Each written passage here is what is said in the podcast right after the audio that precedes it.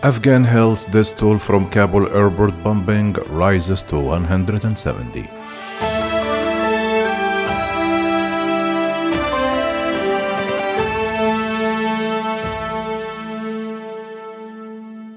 Today, Friday, the American CBS network quoted an officials in the Afghan Ministry of Health as saying that the death tolls from the Kabul airport bombings has risen to at least 170, and stating that the air evacuation resumed from Kabul airport less than a day after the attack, which has also killed 13 American soldiers. In addition, dozens of injured among American soldiers and Afghan citizens. Earlier, the Taliban announced that it had arrested members of the Afghan national security who were involved in the chaos, while an officials from the movement said there is at least 28 Taliban were among the dead in the two bombings outside Kabul airport.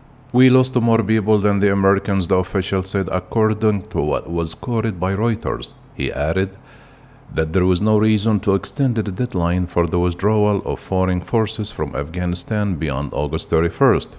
He stressed out that the Taliban Guard will step up watchtowers around all the Afghan airport. The Taliban is stating that any Afghan with legal document can leave Kabul, announcing that a delegation from movement met a French envoy in Doha to discuss the development in Afghanistan.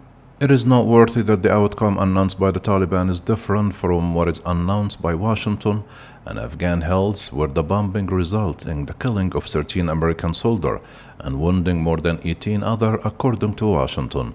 The Afghan health also said earlier that at least 90 Afghani were killed and 150 others were wounded, but the toll is expected to rise and the difficulty of reaching hospitals.